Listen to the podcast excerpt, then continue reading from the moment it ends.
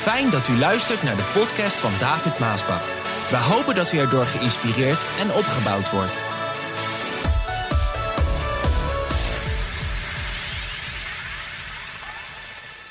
De titel van de boodschap.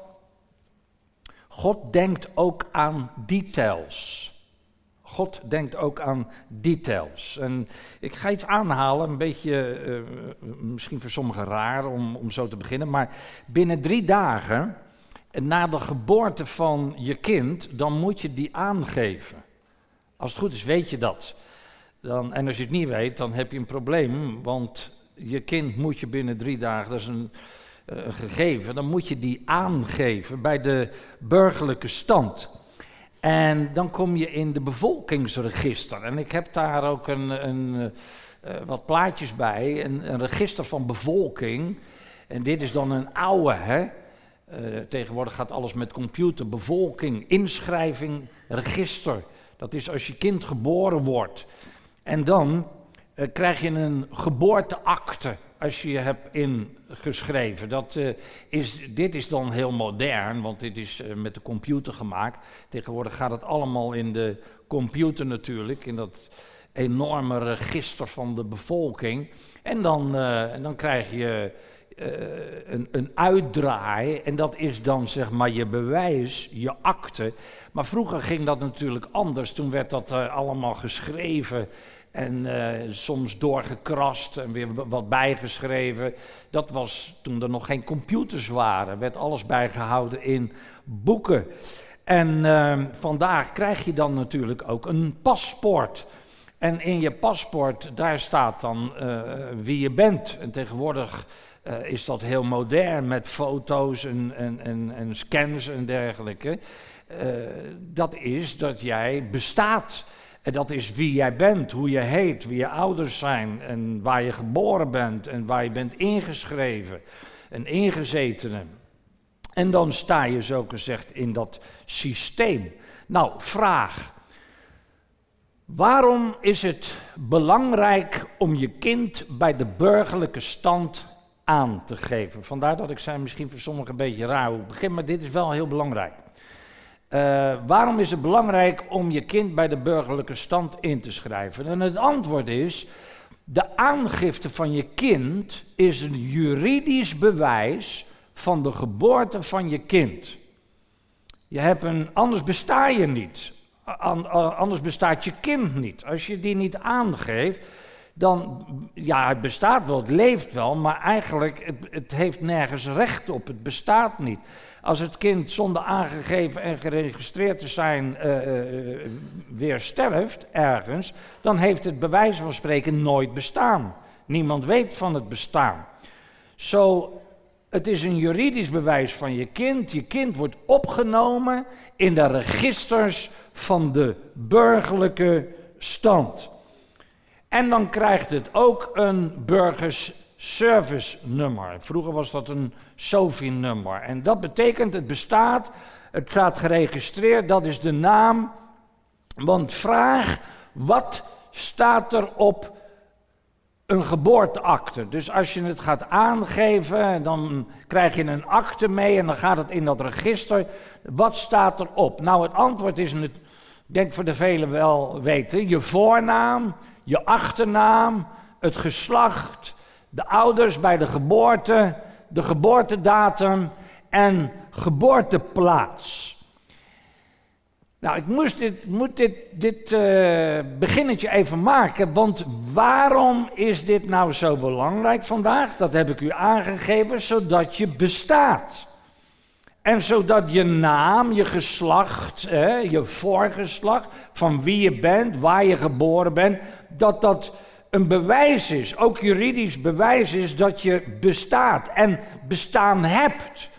Want je kan wel zeggen, ja, ik, uh, ik had een uh, grootvader, Hupplepup, en die was uh, Hupplepup en daar en, en daar geboren. En dan kan je dat wel zeggen, maar heb je een bewijs ervan dat hij bestaan heeft? Ja, maar dat, moet je geloven, want ik zeg dat.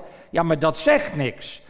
Pas als je dus dat aan kan geven. En bij sommige instanties moet je dus je geboorteakte laten zien of een uitreksel van de bevolkingsregister hebben dat jij bestaat en wie jij bent, voordat je dus iets krijgt. Het is dus een belangrijk bewijs voor je bestaan. Nou, het was heel belangrijk voor Jezus Christus dat dit ook bij hem zou gebeuren. Want nu kom ik eigenlijk op de kern, dus waar waarom ik dit begonnen ben te vertellen. Dit was heel belangrijk voor Jezus Christus om ook opgenomen te worden in de burgerlijke stand. Want we kunnen wel zeggen dat hij geleefd heeft, maar wie zegt dat hij geleefd heeft? Dat komt omdat hij geregistreerd is. En sommigen zijn natuurlijk al geregistreerd voor, voor, voor, nou sommigen kort, maar sommigen voor heel lang. Het was heel belangrijk hoe zijn naam was, waar hij geboren was, dat hij voortkwam uit, de, uit het geslacht van Juda. Is ook heel erg belangrijk. En dat heeft ook te maken met de belangrijkheid, en tijd ontbreekt om op al, al die dingen in te gaan. Maar voor de toekomst, als hij zal wederkomen om te gaan zitten op de troon van zijn vader David. Dus juridisch is het erg belangrijk dat ook Jezus geregistreerd zou worden in de burgerlijke stand. Maar als je dan het verhaal gaat lezen, hoe moet zo'n belangrijke handeling, want dat is wat het is. Een, een opdrachtdienst is een belangrijke handeling, geestelijke handeling in het huis van de Heer. Ten opzichte van je nageslacht en God. Want dit is heel belangrijk. Hè? Een, een opdracht is heel belangrijk voor je nageslacht. Ook wat daarna komt. Na degene die je opdraait. Want het is je nageslacht. En nageslacht is heel belangrijk. En ook die tijd ontbreekt me om dat in deze boodschap uh, te vertellen. Maar dan misschien dat ik daar nog eens een aparte boodschap over zal brengen. Hoe belangrijk het is, je nageslacht. En um, zo is dat een belangrijke handeling, het opdragen. Maar ook een belangrijke handeling is dat je naar de burgerlijke stand gaat om je kind aan te geven bij de burgerlijke stand. Maar hoe moet dat dan met een Jozef en een Maria, die eigenlijk niets betekenend zijn? Want Jozef was een niets betekenende, onbekende timmerman. En Maria was een dienstmeisje ergens in huis, ook onbetekenend, niemand kende haar. In een gehucht, Nazareth, wat, al, wat een gehucht was. Nou, dat is nu een gehucht, maar dat was toen helemaal een gehucht. Hoeveel mensen wonen er daar? dus, en ze waren niet getrouwd. Dus hoe, hoe moeten zij dan zo'n belangrijke handeling doen? Wat gebeuren moest omdat het zo belangrijk was, maar eigenlijk zat het er helemaal niet in dat dat gebeuren zou. Want alles leek erop dat Jezus gewoon in Nazareth geboren zou worden. Want de Bijbel zegt, zij was al hoogzwanger. Zo zij had geen enkele intentie, en Jozef ook niet, maar de moeder die hoogzwanger is, had geen enkele intentie om naar Bethlehem te gaan op een ezel hoogzwanger, door bergen en dalen, om daar Jezus geboren te laten worden en daar te laten inschrijven. En dit had ook echt zo gegaan als God niet een God van details is, die gezegd had door de profeet Micha dat zijn zoon in Bethlehem geboren zou worden.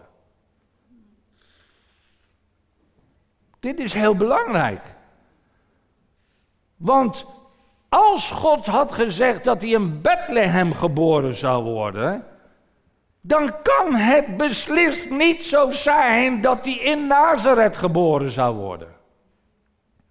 Hallo. Misschien denken je, ja, maar David, is dat nou zo belangrijk? Ja, dat is heel belangrijk. Want alles moet gaan zoals God het heeft gezegd. Zo, zij is in Nazareth, hoogzwanger. Niks lijkt erop dat, uh, dat zij naar uh, Bethlehem zal vertrekken op de hoog, hoge zwangere leefmomenten. Uh, dat het kan alleen maar als God niet iets had gedaan waardoor zij naar Bethlehem moest gaan. Hallo.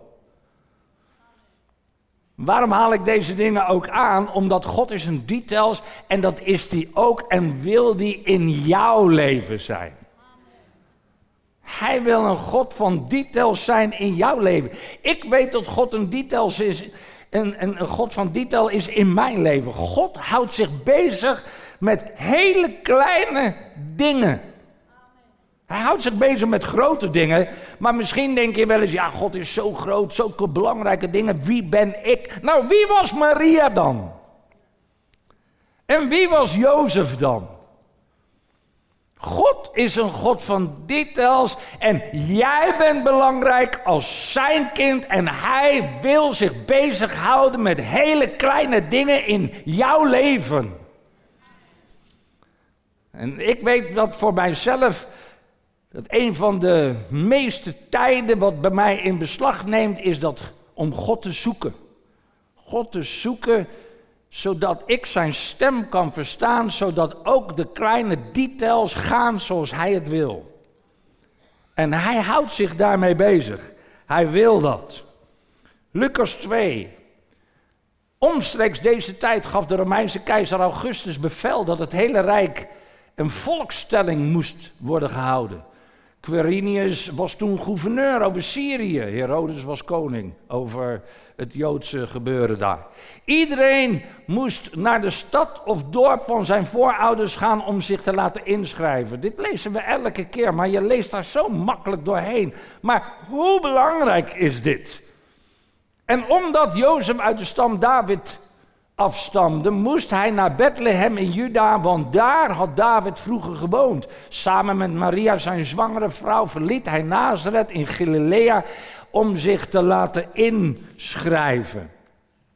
Mensen, dit lezen we elke keer, voor sommigen misschien tot vervelens toe, dat ze denken, ja dat weet ik nou wel. Maar dan ineens door deze boodschap kom je erachter hoe belangrijk dit stukje is keizer Augustus. Hij veroorzaakte een volksbeweging waar Maria en Jozef aan moesten meedoen. Maria had die reis nooit gemaakt als zij niet in die volksbeweging die veroorzaakt werd door Augustus om daaraan mee te moeten doen. En dit kan alleen God. Want ik zal u dit vertellen: God die laat regeringen en colleges vallen om zijn plan in vervulling te doen laten gaan. Amen. Hoor je dat? Ik bedoel, waar denk je dat die keizer over het Romeinse Rijk? Het Romeinse Rijk is heel groot. Dat in die tijd, hè, je ziet helemaal Nederland boven Engeland, Brittany, Bretagne. In die tijd Italië, Frankrijk, België, Spanje, eh, al die landen. Helemaal daaronder. Israël helemaal daar links. Dat was het Romeinse Rijk. Een gigantisch rijk. Eigenlijk, eh, zie je niet te vergelijken met Europa? Daar zit heel Europa in even uh, tijd ontbreekt om daar nu heen te gaan. Maar dat hele rijk, God, die gebruikt Augustus, de keizer over dat hele rijk, om iets in te stellen wat eigenlijk al jaren zijn plan was. Jaren de bedoeling, want het was niet zo dat Augustus ineens denkt: oh, nou laat ik eens een volkstelling doen. Of oh, want daarachter zat eigenlijk het heffen van belastingen. Daar zat het eigenlijk achter dat hij wilde belasting gaan heffen. Dus onder het mom van volkstelling. Iedereen moet zich laten inschrijven. God gebruikt de keizer Augustus om dat hele rijk in beweging te brengen. Alleen maar omdat zijn zoon Jezus Christus vanuit Nazareth naar Bethlehem moet gaan. Hallo? Waardoor Maria en Jozef moesten vertrekken van Nazareth. En de tijd spande al. Want ze was al hoogzwanger. Maar Jezus mocht niet geboren worden in Nazareth. Hij moest geboren worden in Bethlehem. Ho, ik zou zo in nieuwe tongen kunnen spreken. Wat God niet doet om zijn plan in vervulling te doen laten gaan. Lieve mensen, dat kan alleen God. Hij doet alles wat nodig is, al moet hij alles laten vallen.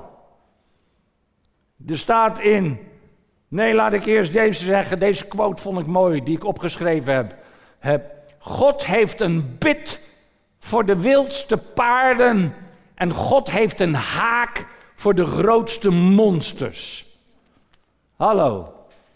God kan de wilste paarden kan hij laten doen wat hij wil, omdat hij gewoon een bid erin heeft. Hij heeft een bid in de leiders van Rusland en, en al die grote China. Er zit gewoon een bid in en God kan als hij dat wil en hij geeft een ruk naar links, dan gaat alles naar links. Hij heeft een haak. Ik geloof dat het ergens in de Bijbel staat dat hij de haak in de kaak van Rusland zet om hem te trekken, zodat hij op zal trekken tegen Israël. Strakjes. En dan trekken ze allemaal op en dan zal hij laten zien wie hij is. Keizer Augustus was op dat moment gewoon een puppet aan de touwtjes van God.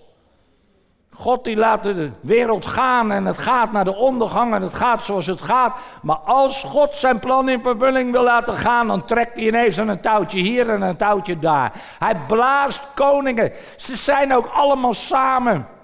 Zie je het vandaag niet? Ook dat Europese Rijk, al die leiders overal vandaan en ook dat Europese Rijk, al die leiders en de plannen die ze maken en ze gaan de klimaat gaan ze beheersen, dat vind ik ook zoiets. Ze willen de klimaatbeheersing. Dit is een hele klimaat. Dit klimaat dat is alleen een, een tool wat gebruikt wordt om een totalitair systeem te maken, van machtssysteem. We komen allemaal in een machtssysteem. Waar uiteindelijk natuurlijk straks de antichrist de macht zal hebben. Het zijn allemaal tekenen, alleen de meesten zien het niet. Want nu is het weer het klimaat. Ja, klimaatbeheersing. Ik vind het een grootste arrogantie ten opzichte van God. Het is net als met de torenbouw van Babel. Dat men het klimaat van de aarde wil beheersen. Men wil de thermostaat van de aarde. Kijk naar de aarde, kijk naar het universum. Dat is zo groot, zo immens. Dat wil niet zeggen dat wij beter voor de aarde moeten zorgen. Zorg dat je een tasje bij je hebt, dan hoef je niet al die plastic tasjes te nemen. Dat zijn andere dingen. We kunnen beter met de aarde omgaan, maar niet zoals deze lui allemaal bezig zijn en, en, en, en willen heersen daarover en denken dit te kunnen doen. Lieve mensen, alleen God kan dat. Zou een andere boodschap zijn waar ik misschien nog wel kom. Psalm 2 zegt vers 1. Wat zijn de ongelovige volken toch dwaas om tegen de Heer op te staan? Het is onbegrijpelijk dat deze mensen proberen God te slim af te zijn. De machthebbers van deze wereld hebben hun hoofden bijeengestoken en de leiders spannen samen tegen de Heer en zijn gezalfde. Kom op, zeggen zij, laten we onze boeien verbreken en onszelf bevrijden uit de slavernij van God. Maar God in de hemel lacht wanneer hij hun hoort. De Heer bespot hun dwaze plannen. Hij zal hen in zijn toorn aanspreken. Ze zullen van angst ineenkrimpen. God blaast mensen. God plaatst. En het verandert. Wie denken die leiders wel niet dat ze allemaal zijn, inclusief onze eigen leider Rutte? Alles gaat volgens Gods plan. En ook toen ging allemaal volgens Gods plan. En God die sloeg twee vliegen in één klap. Quote. Jezus wordt in Bethlehem geboren. Jezus wordt in Bethlehem ingeschreven in de burgerlijke stand. Jezus, zoon van David, uit de stam van Juda. En dit was belangrijk. Heel belangrijk. Jezus, zoon van David, uit de stam van Juda. Zo staat hij geregistreerd. Zo is hij ingeschreven, zo was het voorspeld en zo is het gegaan. En hoe is het gegaan? Alleen omdat God ingreep en in details dacht van hij moet geboren worden in Bethlehem. Hij moet daar ingeschreven worden. Gij zult hem de naam Jezus geven. Zo is hij geregistreerd uit het geslacht van Juda, want daar komt hij vandaan. En straks zal hij plaatsnemen op die troon, als hij zal wederkomen, op de troon van zijn vader David. Mooi hè? Even terug naar de geboorte. Een paar minuutjes nog even terug naar de geboorte. Lucas 2, vers 6. Toen zij in Bethlehem waren, moest Maria bevallen. Zij bracht haar eerste kind ter wereld, een jongen. Ze wikkelde hem in doeken, legde hem in een kribbe. Want in de herberg van het dorp hadden Jozef en Maria geen onderdak kunnen vinden. Geen plaats. Ik las geen plaats. Er was geen plaats voor Jezus. Vraag. In welke society heeft Jezus vandaag wel plaats? Dat is goed om eens te beantwoorden. In de society van wetenschappers, vandaag onder de wetenschappers, heeft hij plaats onder de wetenschappers. Is er iemand die rekening houdt met de schepper? Iemand die rekening houdt met Jezus onder de wetenschappers? Onderwijs is vandaag, heeft Jezus plaats in het onderwijs, in ons systeem? Nee, hij wordt eruit gebonjourd. Geen plaats voor Jezus. In de media? Nee. In de kunst en de cultuur? Artsen, doktoren, regeringen, overheden. En dan zeg ik erbij Nederland en Europa. Nou, Nederland en Europa helemaal niet meer. Echt niet. Het lijkt erop. En in Europa helemaal, helemaal, helemaal niet meer. Daar houden ze geen enkele rekening met God. Daar komt hij niet eens voor de banken, de beurzen, de zakenwereld, allemaal geen plaats. Ze hebben plaats voor alles en nog wat, behalve Jezus Christus. Maar er is ook nog een society die heet New. Hallo. New Society. Want daar heeft hij alle plaats. Jezus heeft alle plaats in New Society. En dat zeg ik erbij, omdat dat zo belangrijk is. Want waar leven wij vandaag in? En dat is belangrijk wat ik zei, omdat hij alle plaats heeft in onze society Nugen, in ons leven. Wij zeggen niet, we hebben geen plaats voor Jezus, want alles draait om Hem. Hij is het middelpunt van ons leven, middelpunt van ons denken, middelpunt van de kerk, middelpunt van onze gemeenschap, want dat betekent society, betekent gemeenschap, betekent een, een soort van volk. Ja, wij zijn, zijn, wij zijn zijn kinderen. Maar pas op vandaag, pas op vandaag, want als jij vandaag plaats maakt voor Jezus Christus, en jij leeft volgens zijn leefregels, dan word je meteen weggezet als extremist. Dan word je meteen weggezet als sectariër. Je, bent, je, je behoort dan tot, tot een secte, zeggen ze dan. En laatst hadden Regina en ik het eh, ook nog over. Van het lijkt net alsof we dan een secte zijn. Maar lieve mensen, ik zeg, ik zeg u ook New Gen, ik, wij zijn geen secte. En ik ben geen secteleider, al staat dat met koeien chocoladeletters in de krant. Ik ben geen secteleider. Leider. Alles wat wij vandaag willen doen is leven naar de leefregels van Jezus Christus. En de regels in dat aloude boek, de Bijbel. Dat is alles wat wij willen. En als je dat vandaag dan ook doet, maar ik weet wel hoe dat komt. Ik weet hoe dat komt. Ik weet, en speciaal natuurlijk, ik begrijp dat ik zeker zo word weggezet in hun ogen. En helaas ook soms door christenogen. Maar dat zijn christenen die eigenlijk half in de wereld leven. Kijk, als, je, als, als, als God hier staat, wat wij willen is gewoon dicht bij God leven. Naar zijn regels, wetten, normen en waarden. Dat is alles wat wij willen. Wij veranderen daar niet in. Wij zijn nog steeds hetzelfde als 20, 30 jaar geleden. We houden ons nog steeds aan die regels, die principes, wandelen in Zijn liefde, Zijn genade, zijn een licht in de wereld. Maar wij hebben de leefregels van God, dus wij zeggen, wij gaan, hier is de grens, wij gaan niet mee. Maar de massa, waaronder dus ook heel veel christenen, en Paulus zegt, de afval in de laatste tijd is groot, er vallen dus vele christenen af, maar die vallen niet meteen af, die drijven eerst af van God. En elke keer gaat het stapje bij stapje gaat het verder, want ze gaan hun eigen weg. Maar ze drijven steeds verder van God af. Dat betekent dat ze ook steeds verder van ons afdrijven, die bij God leven en willen leven zoals God het wil. En omdat het de massa is, en ook vele christenen, tussen haakjes, die dan met allerlei mooie woorden willen rechtvaardigen waarom hun meegaan. Maar feit is, ze drijven van God af. En wie vuil is, wordt vuiler, zegt de Bijbel.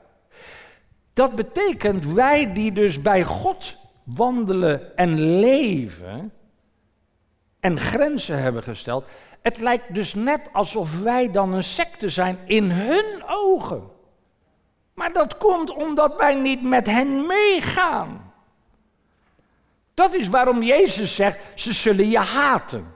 Ze hebben mij gehaat, ze zullen jou haten. Als je een van hun bent, zegt hij, dan zullen ze je lief hebben. Maar omdat je niet van hun bent, maar van mij bent, zullen ze je haten. Ja, ze zullen ons steeds meer haten. En waarom? Omdat wij blijven staan waar de Heer ons gesteld heeft, dicht bij Hem. En New Gen Society is zo'n society. Die leeft volgens de regels van God en zijn gebod. En wij hebben grenzen gesteld en gezegd: nee, we gaan daar niet in mee. Wij praten zo niet, wij denken zo niet, wij gaan zo niet mee. Wij blijven dicht bij Jezus. Als dan strakjes het zo gevaarlijk voor ons gaat worden. Dat we niet alleen maar meer uitgescholden worden als extremist en, en secte en al die dingen die ze dan eigenlijk tegen ons zeggen. Als het zo gevaarlijk wordt, dan komt hij weder. En dan gaat hij ons tot zich nemen. Omdat wij, ik heb het nu al dat ik denk, ja, ik hoor hier eigenlijk niet meer. Heer, ik blijf maar heel dicht bij u. En daarom kom je op dat nageslacht. Dat nageslacht, dat geven we in zijn handen. En voeden wij op zoals wij dicht bij Jezus leven. Ook in diezelfde leefregels. En omdat wij dan zeggen: nee, die gaat niet mee met jullie, want wij willen dat uh, op tijd thuis en, en uh, de Bijbel lezen, mee naar de kerk en al die dingen weer. Ja, voor de wereld ben je dan heel extremistisch aan het worden. Want die gaan tot s'nachts weg en uh, die doen van alles en nog wat. En als dat dan niet kan, mag jij niet van je ouders. Nee, ik mag niet van mijn ouders. Wat voor Vreselijke ouders heb jij dan. Vreselijk. En als je dan je kinderen wil corrigeren, nou, dan word je uitgescholden als ik weet niet wat voor vrede vader en moeder je bent. En je laat je kind, je, ze, ze groeien op in een gevangenis, want ze moeten vrij zijn. Als dat kind, als dat jongetje van 8, 7, 6 jaar zich een meisje voelt, dan moet het gewoon een meisje kunnen worden. En dan zetten we de ouders gewoon buiten spel. Die wetten heb je allemaal al. Dat de ouders niks meer mogen wij zijn straks, wij mogen straks niet meer de kinderen opvoeden zoals wij dat denken te moeten doen. Dat doet de overheid. En omdat de overheid zo goddeloos wordt, gaan we een totaal verdorven wereld tegemoet. En daarom is New Gen zo belangrijk. En daarom is de opvoeding van jouw kind in die vuile, vieze generatie zo belangrijk. En God wil jou helpen Zelfs in de details wil Hij je helpen om je kinderen op te voeden in de vrees des Heeren, zodat er een overblijfsel is en zal zijn in de donkere tijden dat het licht blijft schijnen. Amen.